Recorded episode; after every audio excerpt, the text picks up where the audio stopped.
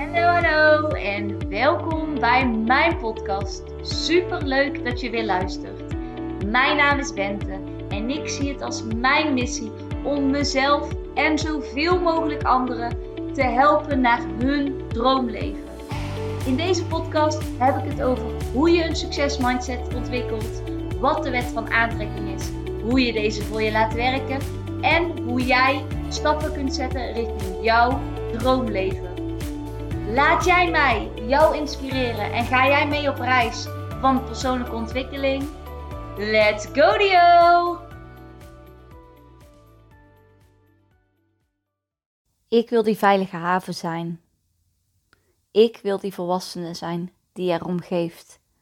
Ik wil de volwassene zijn die wel naar je toe komt als je aan het huilen bent. Die wel een pleister komt plakken, ook al is het maar een klein wondje. Ik wil die volwassene zijn die jou even een aai over je bol geeft, die even met naar jou glimlacht, die een duim omhoog steekt, die echt even luistert naar jouw verhaal. En ik wil er zijn.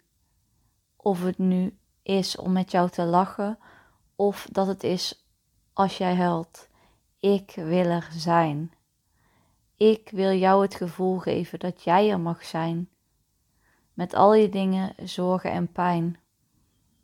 En als er iets is dat je weet dat ik altijd achter je zou staan. En dat wat je ook hebt gedaan en wat er ook is gebeurd, dat je met mij kunt praten. En dat is echt wat ik hoop mee te geven. En als ik daarover nadenk, word ik gewoon bijna een beetje emotioneel. Maar dat is eigenlijk waar ik, dit is waar ik vandaag aan dacht. Uh, naar aanleiding van een situatie in mijn klas en een boek dat ik uh, aan het lezen ben.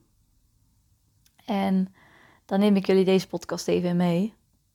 Want zoals jullie weten geef ik les aan de kleuters. En er zijn dus kinderen in mijn klas die ik vorig jaar ook in de klas heb gehad. En één iemand daarvan is een uh, jongetje. En vorig jaar uh, had hij echt veel moeite om uh, zijn emoties te uiten, emotieregulatie. Om vanuit een bepaalde emotie heel snel in zeg maar een boosheid of een verdriet. En um, ja, daar kon hij heel erg in blijven hangen. En allerlei mensen vonden daar wat van. En ik had mezelf gewoon voorgenomen van hoe dan ook, ik wil er voor hem zijn. En dat uitte zich in af en toe gewoon echt een uur bij hem zitten. en in zijn buurt, want hij liet me eigenlijk ook niet eens hem troosten. En echt heel veel in die emoties stimuleren, stimuleren. En echt ook wel dat ik heel vaak mezelf rustig uh, moest houden of moest krijgen. Want dat is het. Wij willen als volwassenen niet dat kinderen onrustig zijn, omdat het een spiegel is voor al ons interne verdriet, wat wij als volwassenen heel goed kunnen wegduwen. Lang leven, eten, alcohol en je kent het allemaal wel. Um, en dat spiegelen kinderen dan dat begint eigenlijk al bij baby's. Als een baby begint te huilen, we willen het sussen, stoppen we er een speen in. Gaan we sneller met onze handen eroverheen wrijven. Als kinderen huilen, zeggen we zo erg was het niet, stop nu maar met huilen. En ik wil daar zoveel nog in leren en ik heb er al zoveel weer in geleerd. En voor mij is emotieregulatie echt een van de dingen, zeker met kleuters, maar eigenlijk altijd om daar aandacht aan te besteden. Als we dat hebben, dan hebben we echt de wereld. En ik ben nu um, een boek ook aan het lezen, De taal van het huilen. Gaat over ook het nut echt van huilen. En dat is zo interessant. En dat huilen dus ook gewoon letterlijk een stressreactie is om stress te ontladen van kinderen. Dus er zijn eigenlijk vier manieren waarop kinderen stress, stress eigenlijk los kunnen laten. Dat is schreeuwen, uh, huilen, lachen, en was die andere nou? Oh ja, en spel. En denk van, oh ja, kinderen lachen wel eens op hele gekke momenten. Maar dat, ook dat is gewoon het loslaten van stress, van een situatie die er juist is gebeurd. En de, hoe waardevol het juist is als een kind op zo'n moment huilt. Omdat een kind dan op dat moment die stress loslaat. En op het moment dat een kind zich dan inhoudt, omdat een volwassene daar iets van vindt. Dan is het niet zo dat een kind daarvan heeft geleerd daar iets van heeft geleerd. Ja, het heeft alleen geleerd om de emoties weg te drukken. En die stress slaat zich op in het lichaam. Tot wij als volwassenen zo oud zijn en die stress helemaal vastzit in ons lijf en wij niet snappen waar het vandaan komt. Nou, daar dus. Maar uh, terug naar het jongetje uit mijn klas. Um, dit jaar zit hij bij mij in groep 2. En hoe hij dit jaar is gestart. Kijk, los van hoe vaak hij wel of niet huilt, ik ben hoe dan ook trots op hem. Maar uh, vandaag viel hij van de bank echt heel erg hard op zijn hoofd. En ik zag het gebeuren en het was ook heel heftig. En hij kwam eigenlijk soort van in mijn armen uh, gerend.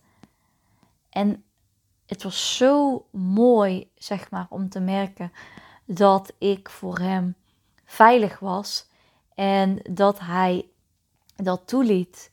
Maar ook hoe eigenlijk de halve klas stilstond en meisjes over zijn haren zo aan het wrijven waren. En ik vond het zo'n mooi moment, omdat ik denk, dit is zeg maar de wereld. Zo is even mijn klas, zeg maar, dan even op dat moment de wereld. Dit is de wereld zoals je wil. Met oog voor elkaar, dat je alles mag zijn, heel verdrietig, heel veel pijn hebben, maar dat je het niet in je eentje hoeft te dragen en dat we je zien. En hoe mooi is dat, dat vier, vijfjarigen dat kunnen. En ik vond het zo'n kippenvel moment, ook al vond ik het heel vervelend voor hem, maar dat ik er gewoon kon zijn. Zonder te willen dat het over was, zonder af te leiden, gewoon zijn. Gewoon oké met even dat verdriet. En dat vond ik ook dat vond ik zo waardevol. En was zo'n pluim op, op mijn werk, zeg maar. Dat je denkt van wow, in zo'n korte tijd. Ook al lijkt het als je er middenin zit heel lang te duren. Zo bizar. En dat is dan ook kinderen en kleuters. Nadat we even de bult gekoeld hadden. Een uh, kwartier, half uur later. Gaat alles weer oké. Uiteraard heb ik eventjes gewoon ouders het laten weten. Maar daarna ging het al weer helemaal goed. En ik heb het nog een aantal keer gevraagd en hij zei ook: nee, het gaat goed. En hij was veel aan het lachen. En vervolgens kon hij ook weer zijn emoties benoemen. En dan ben je vier, vijf jaar. Nou, is dat fantastisch of is dat fantastisch? Dus no to self. Laat alsjeblieft mensen huilen. Ook voor volwassenen geldt het. Als je nu kunt huilen, ben je die stress kwijt. En anders slaat het zich op in je lijf en gaat, wordt het alleen maar meer. Dus hoe vaker je huilt, hoe beter. Heel veel mensen die vaak huilen zien het als een zwakte, alleen maar goed. En neem een voorbeeld aan kinderen. Oh my, oh my god. Het is echt, ze zijn de toekomst en alsjeblieft laat je meenemen in hun wereld. Want die is fantastisch. Ik vond het super leuk dat je weer luisterde. Ik eh, wens jullie een super fijn weekend en tot de volgende keer. Doei!